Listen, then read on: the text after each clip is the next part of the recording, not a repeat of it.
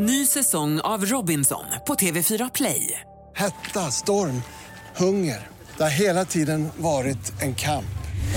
Nu är det blod och tårar. Fan händer just nu. Det. är Detta är inte okej. Robinson 2024, nu fucking kör vi! Streama söndag på TV4 Play.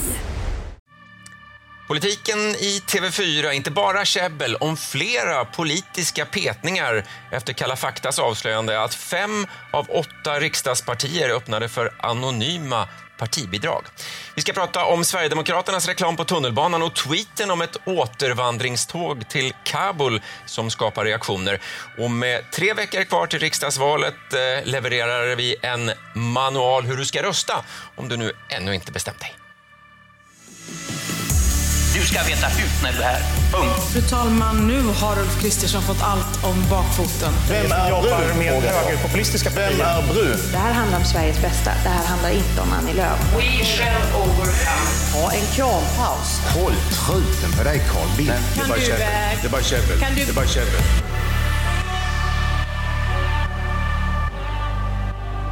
Ja, varmt välkomna till vår poddstudio efter lite semester. Här i studion sitter Jens B Nordström och Ann Tiberg vid min sida. Jag heter Johan Macéus. Kul att ni är med och lyssnar och eh, tittar. Och efter en välbehövlig semester, inte minst kanske för våra politiker, så kastas vi nu in i valspurten. Och Jens, jag undrar, har man som politiker råd att vara ledig ett valår? Det humana svaret är ju att säga att de såklart då ska de vara lediga. Men äh, tveksamt kan man nog säga när det börjar dra ihop sig. Jag tror att många av dem som jag har pratat med har varit lite förvånade att jag fick åtminstone några veckor och lite osäkra på om de faktiskt borde ha tagit det. Och för en politisk kommentator då? Fick du lite Ja, ledigt? jag fick mycket ledigt och det jag tycker att där, är- där får vi göra skillnad på folk och folk. Eh, Och Ann, jag tänker så här, om man gör en, en liknelse med idrottsvärlden, att eh, man laddar ju då för spurten nu till valet, men med tanke på hur det gick förra valet så är det väl någon form av eh, kompromissmaraton som väntar efter valdagen. Eh, det gäller på något vis att hushålla med kraften också. Ja, eh, och man, inför ett lopp skulle man nog tänka så, men för politikerna så på, pågår ju liksom... Det, det, det här valet är ju egentligen mer någon sorts eh, blåbärsdrickning i... Vad, vad är det ni som kan Vasalopp? Eh, man gör det. Men det är en sorts mellanstation. Vätskestopp. Vätskes- Mångsbodarna. Mångsbodarna. Det är en sorts vätskestopp och sen ska de fortsätta. Och, eh, man kan ju föreställa sig att ett bra valresultat ger så mycket mer energi än bara blåbärssoppan. Men man vet aldrig när målet, eh, när man kommer till målet. Eh, det visste man ju inte förra valet och det kanske man inte vet nu heller. Eh, vi ska, tänkte vi börja med första ämnet och det handlar om mycket allvarligt. Politisk korruption nämligen. Efter Kalla faktas avslöjande att fem av åtta riksdagspartier försökte kringgå lagen för att säkra och dölja anonyma pengagåvor till valrörelsen så petade, eh, petades människor, eh, medarbetare både inom Socialdemokraterna och Liberalerna direkt samma dag som Kalla fakta avslöjade här i veckan, i torsdags igår alltså när vi nu sänder det här. Eh, vi ska lyssna då till hur Liberalernas konsult, som Kalla fakta hänvisades till av Liberalerna, eh, uttryckte sig eh, för att göra det möjligt att ge anonymt. För mitt bolag en halv miljon. Alltså det är så här, det är det absolut enklaste. Så kommer det inte att finnas någonting som, någonting som går att spåra. Nej. Ehm, och sen fakturerar, fakturerar Liberalerna mig för att, ja, för att de, ja, ja Ja, Liberalernas konsult Sven Dahl uttryckte sig så när Kalla fakta granskade det här. Mm. Och det här är ju en praktskandal. Det har ju fått väldigt stora ringar på vattnet redan. För att det är ju inte lagligt att erbjuda anonyma donationer till partiet. Det var ju det här som Kalla fakta ville testa. Man lät två affärsmän erbjuda alla politiska partier donationer på mellan en halv miljon och en miljon kronor för att se hur de reagerade. Man har haft en lagskärpning där eh, 2018 där man har sagt att eh, om det är över Eh, ett halvt prisbasbelopp, då ska man deklarera vem det är som ger pengarna. Och Det här är ju ganska viktigt. Det här är ju en demokratifråga och just för att hålla korruption borta. Man kan ju tycka att det spelar väl ingen roll om någon ger lite pengar till ett parti. Men det är just att liksom, vi vill veta vem är det som finansierar politiken? Vart får de pengar ifrån och vilka personer är det som ger? För att då få bort den här misstanken om att det ska finnas en otillbörlig påverkan här. Så att det här är ju ett fantastiskt gräv tycker jag som Kalla fakta har gjort och väldigt kreativt gjort. Men det är ganska deprimerande resultat när fem av åtta partier omedelbart ger sig in i diskussioner hur ska man kringgå det här. Och det vi ska säga då, det är Socialdemokraterna, Moderaterna, Sverigedemokraterna, Kristdemokraterna och Liberalerna som då eh, öppnade upp för den här möjligheten. Vi kan väl lyssna till, eh, innan vi släpper in Ann här i studion också, hur eh, Liberalerna uttryckte sig då på en fråga från en vanlig nyhetsreporter när man pratade just om, om eh, det här med vikten av att faktiskt redovisa var eh, pengagåvor kommer ifrån. Det finns regler för att man måste redovisa de pengarna som kommer in eh, med vem som har gett dem. Eh, och det gör vi ju såklart, det gör alla partier. Egentligen skulle jag säga att öppenhet och transparens betyder allt. För det är ju grunden och fundamentet i vårt demokratiska samhälle. Mm.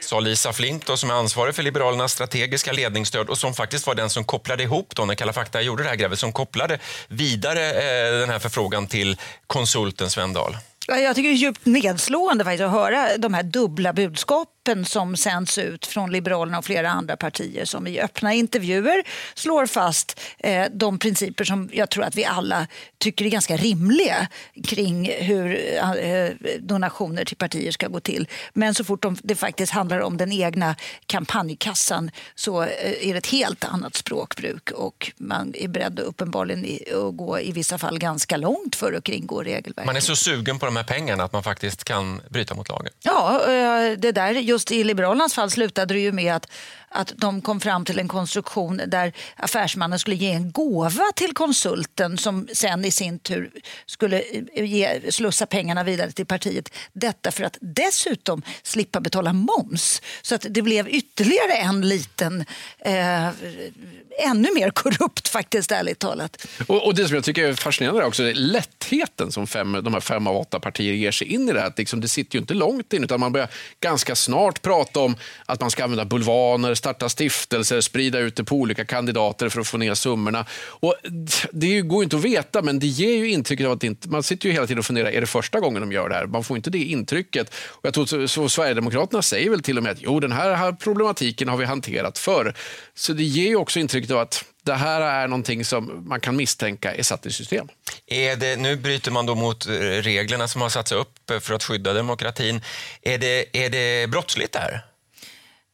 Utan att föregå någon form av brottsutredning. Men vad, vad gör du för bedömningar? Det, det, det, brottsliga, det finns ju två steg så fort det är brottsligt. Det ena är om man faktiskt genomför någonting och det andra är om man förbereder någonting. Och det här, här handlar det ju så att säga då möjligen om en förberedelse eller en stämpling eller vad man ska kalla det för. Och, och det, det återstår väl att se faktiskt om det leder till någonting. Och, och, där, och där, får man säga, där valde ju bara Kalla fakta att backa hem också eftersom att partierna inte, fem av åtta partier inte visar några tecken på att själva backa undan. Så har ju Kalla fakta faktiskt gjort att en lockande tanke skulle ju vara att säga hur långt kan vi driva det här? Kan vi försöka få igenom egen politik? Men där tror jag Kalla fakta faktiskt gjorde bedömningen att det skulle kunna närma sig brottsmisstankar eh, mot dem i sådana fall, att de skulle kunna medverka till ett mutbrott. Ska vi bara klargöra då för våra eh, tittare eh, eh, uppenbarligen är ju pengagåvor viktiga för partierna i en valrörelse. Pengar behövs ju.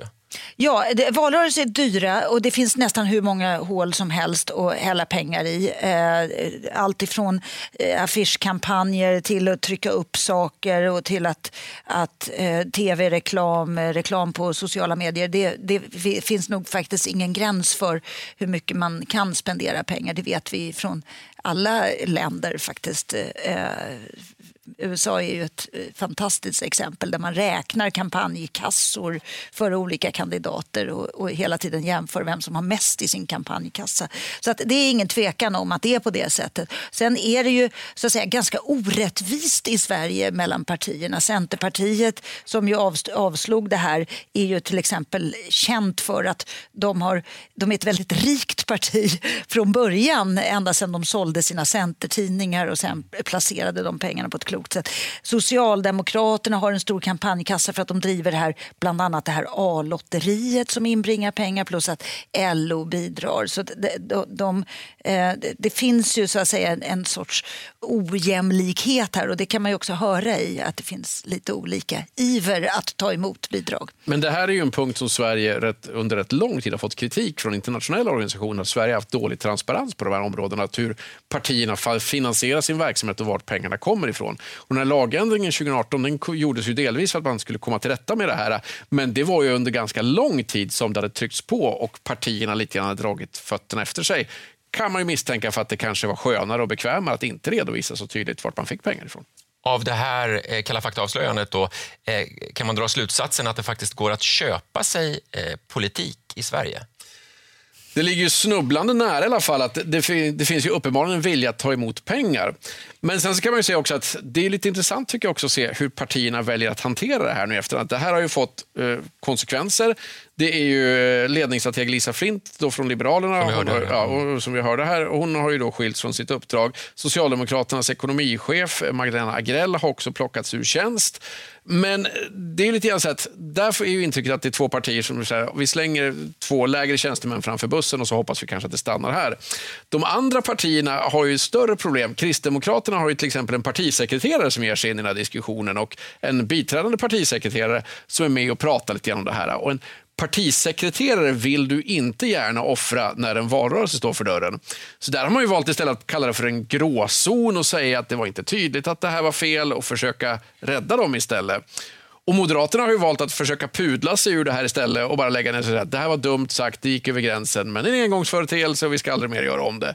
Så det är väldigt olika strategier också partierna använder för att försöka lösa det här problemet. När vi nu spelar in eh, podden så är det de här konsekvenserna som Jens berättar. Det kan ju komma fler då förmodligen, eller? Det kan det absolut. Och jag, jag tänker också att eh, jag tror att alla partier som nu har gett sig in i den här syltburken, eller hur man nu ska uttrycka det, just nu hoppas att effekten på väljarna sprids ut jämnt över alla partier. Så att säga. Och jag, jag, gissar att det finns, finns en sån förhoppning. Men det som också är risken när en sån här sak avslöjas det är att det här framförallt göder den här stora äh, äh, degen miss, politiskt missnöje, det vill säga att den så att säga, leder till ett, ökade, ett ökat misstroende mot politiker och därmed en ökad missnöjesröstning. Mm. Jag kan säga, det är tre partier som vägrar att ge sig i de här diskussionerna. Det är ju Vänsterpartiet, Miljöpartiet och Centerpartiet som ganska tidigt säger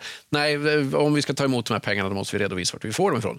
Men det är ju tre förhållandevis små partier. Det är liksom inte en stor del av väljarkollektivet som är representerad där. Den stora massan av partierna ger sig faktiskt in i de här diskussionerna. Och jag tror precis som dig att det finns nog många väljare som kan känna en djup besvikelse över det här.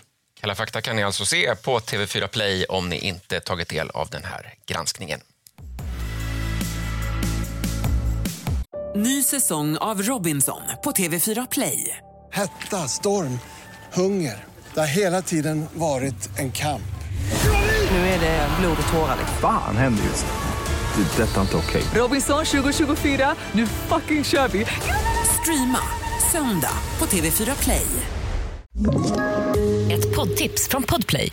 I podden Något Kaiko garanterar östgötarna Brutti och jag, Davva, dig en stor dos skratt. Där följer jag pladask för köttätandet igen. Man är lite som en jävla vampyr. Man har fått lite blodsmak och då måste man ha mer.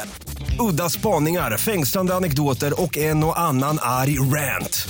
Jag måste ha mitt kaffe på morgonen för annars är jag ingen trevlig människa. Då är du ingen trevlig människa, punkt. Något kajko, hör du på podplay. Därför är gardinerna.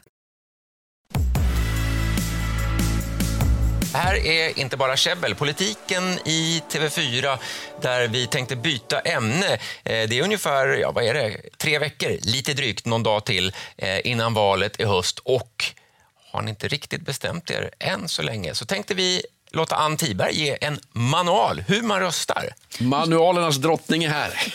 Jag älskar att ni kallar mig för det. Men jag ska säga så här att eh, som en liten, eh, ett preludium till manualen så vill jag först säga att det är svårt att eh, rösta i det här valet. Jag har väldigt många som kommer fram till mig på stan till och med och säger hur ska jag rösta? Och jag förstår att det är svårt för att eh, vi har en, en valrörelse där du kan tycka att en sakfråga är jätteviktig och då kan du välja parti utifrån den sakfrågan men du kan faktiskt inte vara hundraprocentigt säker på att partiet kan göra verklighet av det politiska löftet som det avger i sakfrågan. Och därför så skulle jag vilja börja den här manualen med att säga så här. Oj, en pling. Ett, ja, gör gärna en valkompass eh, eller flera och eh, skapa dig en uppfattning om vilket parti du står nära i sakfrågorna. Men två, då, häng inte upp dig på den eh, resultatet. Därför att eh, jag skulle vilja ta fasta lite på, på det här som en statsvetarprofessor har sagt det är ändå viktigare att gå på känslan. Rösta på det partiet som du känner att du, att du har förtroende för och tror på. Och den partiledare som kanske bäst då kan argumentera för eh, sin sak i de här förhandlingarna som du pratade om tidigare, det här kompromissmaratonet. Eh, och många har ju faktiskt ett parti som de känner att de ligger nära och som de tycker om.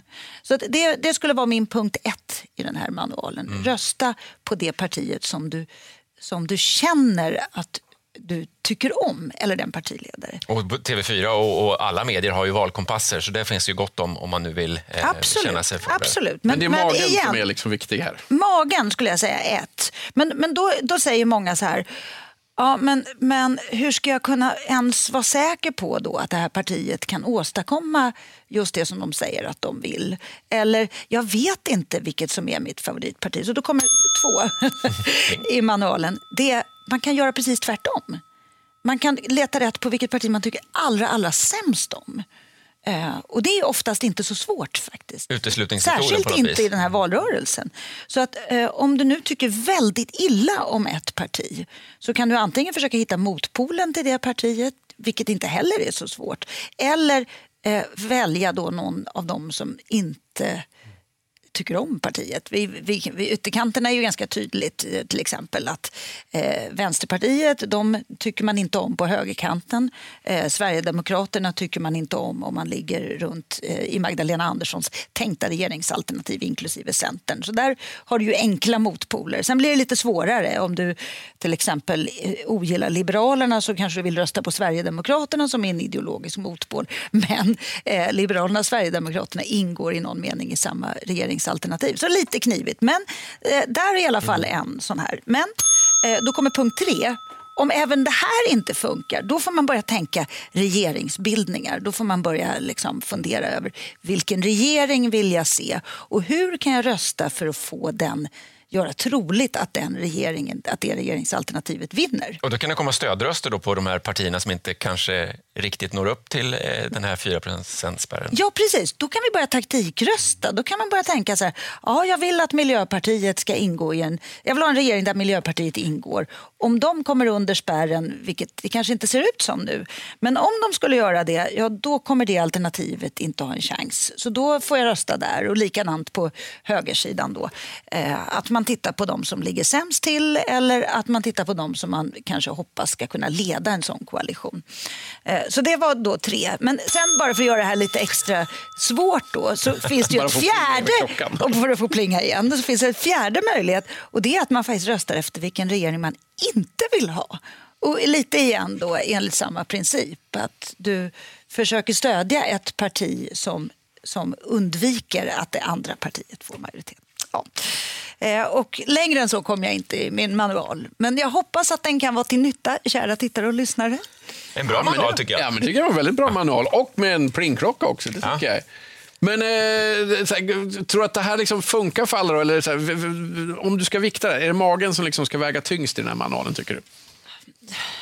Jag, jag, jag, tänker, när jag säger magen så tänker jag också så här att vi kommer behöva rösta fram eh, bra förhandlare. Det är kompromissmaratonet man ska klara av. Ja, det är lite så. Vi kommer, att, vi kommer att önska att vi har ledare som kan eh, förhandla fram bra lösningar. Och det skiljer ju rätt mycket tycker jag man ser i partiledarna. En del är väldigt öppna och en del är väldigt låsta? Det är en förhandlare, en, jag kan ju tycka att en förhandlare som sätter upp jättestarka ultimatum är en bra förhandlare därför att den har stora möjligheter att få gehör för sin politik. Men jag kan ju också tycka att en som sätter upp många ultimatum kommer att göra en förhandling helt omöjlig. Så det, och det är därför jag hela tiden går tillbaka känslan. Och, och det som, som de säger, som säger att vi ska rösta efter känslan, de säger så här Glöm inte att vi är god, ganska goda nyhetskonsumenter i Sverige. Vi har ganska mycket ackumulerad kunskap om de politiska partierna, fast vi kanske inte tror det. Så känslan kan faktiskt vara en ganska god vägledare. Ett råd av Ann Tiberg med manualen. Tack så mycket för den manualen. Jens, du ser ut som att du skulle säga någonting. Ja, det, jag känner bara, kan vi inte pringa klockan för goda förhandlare också? Det har vi inte gjort. Ja, men snyggt. Goda förhandlingar. förhandlingar och förhandlare. Vi byter ämne, för valet närmar sig som sagt och riksdagspartierna gör ju reklam lite överallt. Eh, på tv, i tidningar och eh, för er som då bor i huvudstaden eh, också i tunnelbanan eh, där Sverigedemokraterna klädde upp ett helt tunnelbanetåg, Jens. Eh, och det här är någonting som har diskuterats och reagerats och kritiserats. Ja, men det här har ju blivit snudd på en valtradition. Kalabalik, kring en sverigedemokratisk reklamkampanj. Och eh, det har ju tidigare också varit det i Stockholms tunnelbana som har blivit reaktioner. Men i grund och botten så, handlar det om en ganska okontroversiell kampanj. Man har ett eh, tunnelbanetåg i Stockholm där man har målat vagnarna i SDs blommor. Och, eh, men där, och det hade nog inte lett till så mycket reaktioner om det inte hade varit från en tweet från partiets rättspolitiska talesperson Tobias Andersson som skickade ut en tweet där han sa att kallar det här för återvandringståget och att nu innehar du en enkelbiljett, nästa stopp Kabul. Och Det ledde ju till ramaskri där folk menade på att det här var både rasistiskt, otrevligt och eh, osmakligt på alla sätt och vis. Och Det är ju många som har nästan snubblat över sina egna fötter för att fördöma det här. Och Tobias Andersson han har motiverat det på det här sättet. Vi kan lyssna vad han har sagt. Jag raljerade absolut över de som var så lättkränkta att de tog illa vid sig att vi hade affischerat på ett tåg med fina blommor och SD22, precis som det står på min t-shirt. Jag tycker inte att det är någonting man kan eller bör bli kränkt över utan då tänkte jag att det fanns ett... Eh, då raljerade jag kring det helt enkelt. I Efter fem förklarade eh, han, eh, Tobias Andersson då, eh, det hela så här. Ann, är du förvånad? över att SD skriver en sån här tweet. Inte särskilt faktiskt. Och, och jag tror också att eh, det här så, så, så här, jag, han kanske inte tänkte på att den här signalen som han skickar ut får folk att tänka på talibanernas Kabul och eh, flickor som inte får gå i skolan. Och, eh, jag tror att han tänkte mycket snävare bara att vi har en bra återvandringspolitik, tycker han. Och då, nu kan vi få folk att prata om den, möjligen, om jag ska liksom gissa.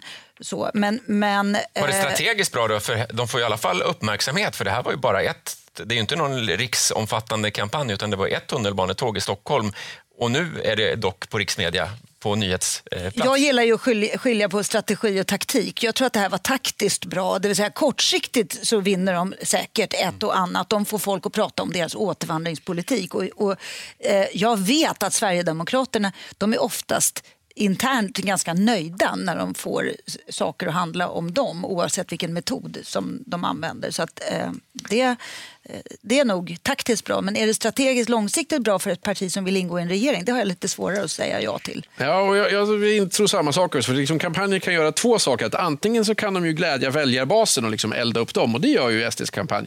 Men når det några nya röster och får liksom in några nya väljare, det är jag mer tveksam på. Att där kanske till och med skrämmer bort en del väljare som trodde att eh, Sverigedemokraterna hade fått en mjukare framtoning.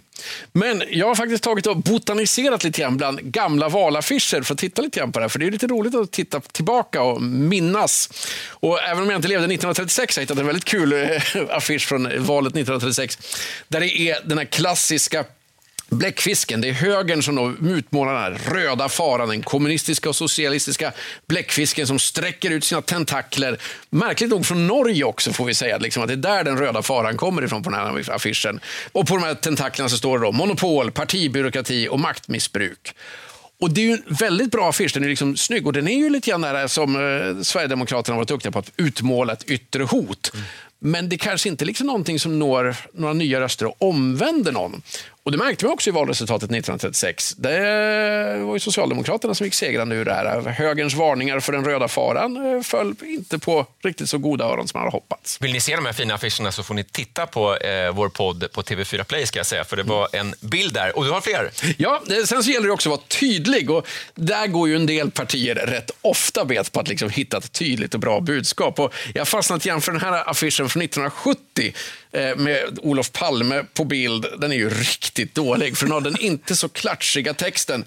Endast en fast politisk vilja kan fördela det växande välståndet rätt rättvist. Man kan ju säga att 1970 då så ja. tänkte man väl att folk kunde läsa hela meningar. Ja, det, men, det är, men det är ju inte särskilt klatschigt kan ju inte ens med den bästa vilja i världen påstå. Nej, klatschigt är det. det är ingenting som man liksom kan gå och skandera i ett demonstrationståg med någon större Och ingen ja, tweet men... som uh, retweetas i oändlighet heller kanske? Ja, som retweet kanske. Kanske. Lite mer humor nu då, va? Från... Nej, men alltså, det som vi har pratat om här, det är att man måste ju då, ska man lyckas i en kammare så måste man ju bredda väljarlagen. Det räcker inte med att bara vara arbetarpartiet, bondepartiet, lärarpartiet partiet. Du måste liksom få in lite nya grupper och visa att även du kan vara en av oss.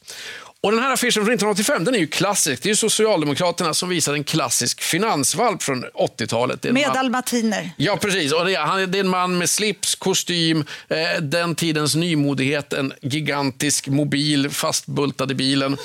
och, eh, och Han säger då att jag röstar på Socialdemokraterna för jag vill ha ordning på Sveriges ekonomi. Det liksom visar att en kille i finansbranschen också kan vara en socialdemokrat. Och 1985 så blev ju då eh, Socialdemokraterna valvinnare. Och den här blev ju ganska omtalad också.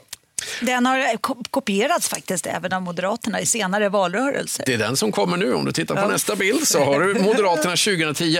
Då vände man ju på kuttingen och satte en ganska tjock farbror i ledig klädsel. Han ser glad och fin ut. Han har en golden retriever och inte en um, dalmatiner. Nej, precis. Och en cab som kanske liksom var väldigt het 1985 men kanske inte är det 2010. Men då är liksom budskapet lite att även arbetare kan vara moderater. Du behöver inte vara en finansman för att vara moderat. Och det här nådde ju två saker. Dels så lyckas man ju då bredda väljarbasen och även reta motståndarlaget lite grann, vilket också är en fin Jag undrar hur många väljare de tog på den där dock.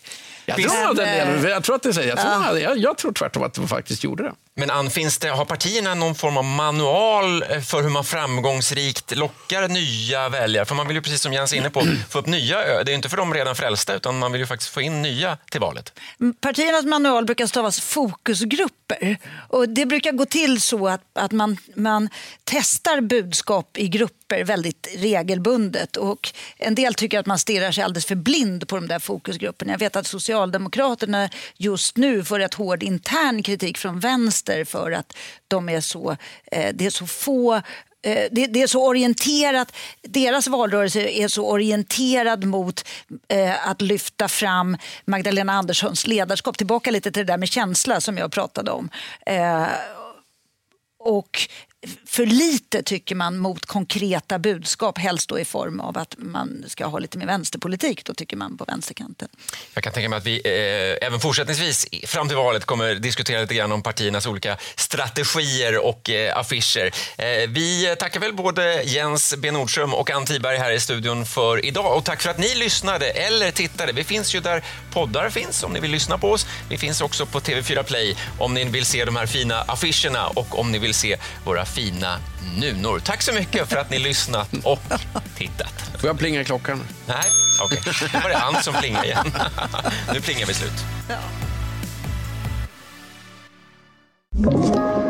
Podplay. Ny säsong av Robinson på TV4 Play. Hetta, storm, hunger. Det har hela tiden varit en kamp. Nu är det blod och tårar. Fan händer just det det. detta är inte okej. Okay. Robinson 2024, nu fucking kör vi! Streama söndag på TV4 Play.